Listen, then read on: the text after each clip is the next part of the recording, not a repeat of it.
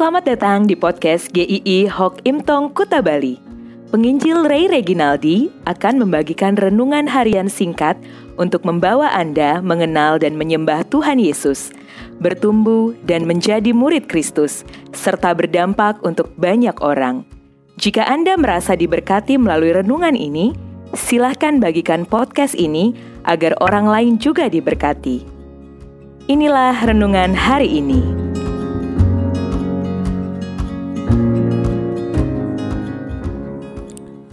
Murah hati Matius 5 ayat 7 Berbahagialah orang yang murah hatinya karena mereka akan beroleh kemurahan Orang-orang yang murah hati sering diidentikan dengan orang yang suka memberi. Apakah betul seperti itu? Di YouTube, kita bisa saksikan betapa banyaknya orang yang suka memberi, bahkan memberinya pun bukan barang yang ece-ece. Mereka membagi-bagikan barang-barang yang bermerek kepada karyawan-karyawannya, kepada orang-orang yang bahkan baru ditemui. Namun apakah ini bisa dikatakan murah hati? Kadangkala ada pemberian-pemberian yang tidak begitu terasa untuk seseorang. Karena itu seperti dia jajan sehari-hari. Pemberian-pemberian untuk sebagian orang itu nilainya tidak seberapa dibandingkan apa yang dimilikinya. Dan pemberian itu juga tidak dirasakan sebagai sebuah pengorbanan buat dirinya. Murah hati di dalam firman Tuhan, di dalam terjemahan bahasa Inggrisnya disebut mercy, yang bisa diterjemahkan sebagai belas kasihan. Apa itu belas kasihan? Ada yang mendefinisikan belas kasihan adalah suatu watak yang melebur di mana kita menaruh hati pada kesengsaraan orang lain dan siap dalam segala kesempatan untuk menjadi alat bagi kebaikan mereka. Seorang pengkhotbah lain mengatakan bahwa belas kasihan mencakup tiga elemen.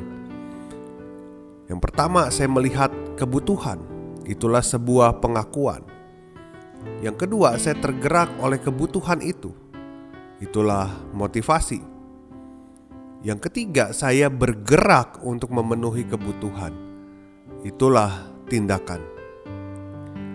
Jika kita mencermati belas kasihan itu, Berarti bukan hanya soal perasaan melihat orang lain menderita lalu berkata, "Waduh, kasihan ya dia."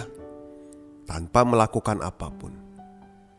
Atau memberikan sesuatu kepada orang lain seberapapun harganya atau nilainya tapi tidak didasarkan oleh gerakan hati yang tulus.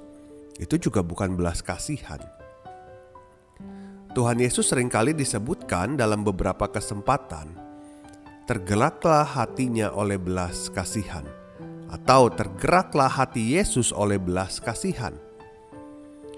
Saat manusia jatuh dalam dosa, semua tatanan menjadi rusak dan kehidupan penuh penderitaan.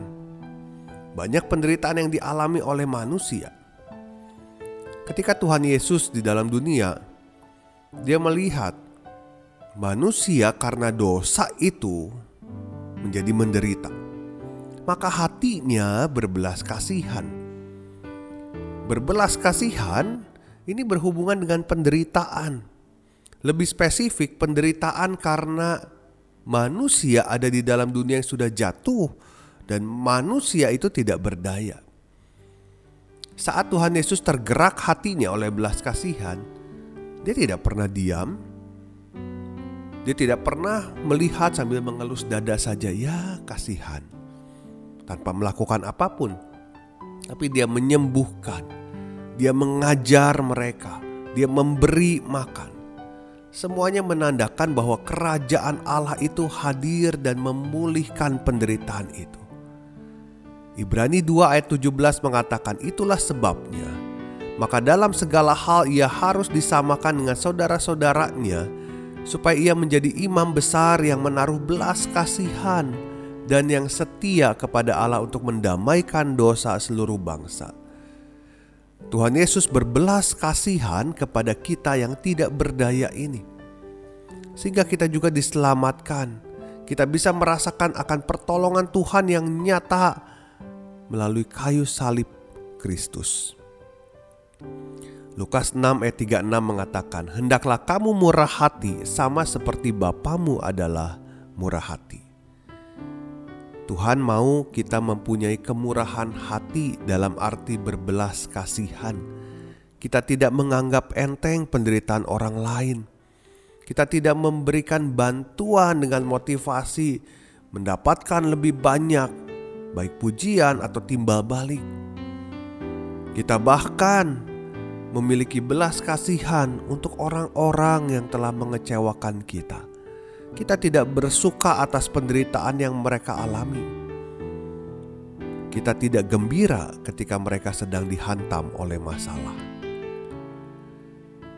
Mari hiduplah di dalam murah hati, seperti Bapa di surga murah hati. Sampai berjumpa di episode selanjutnya. Tuhan memberkati.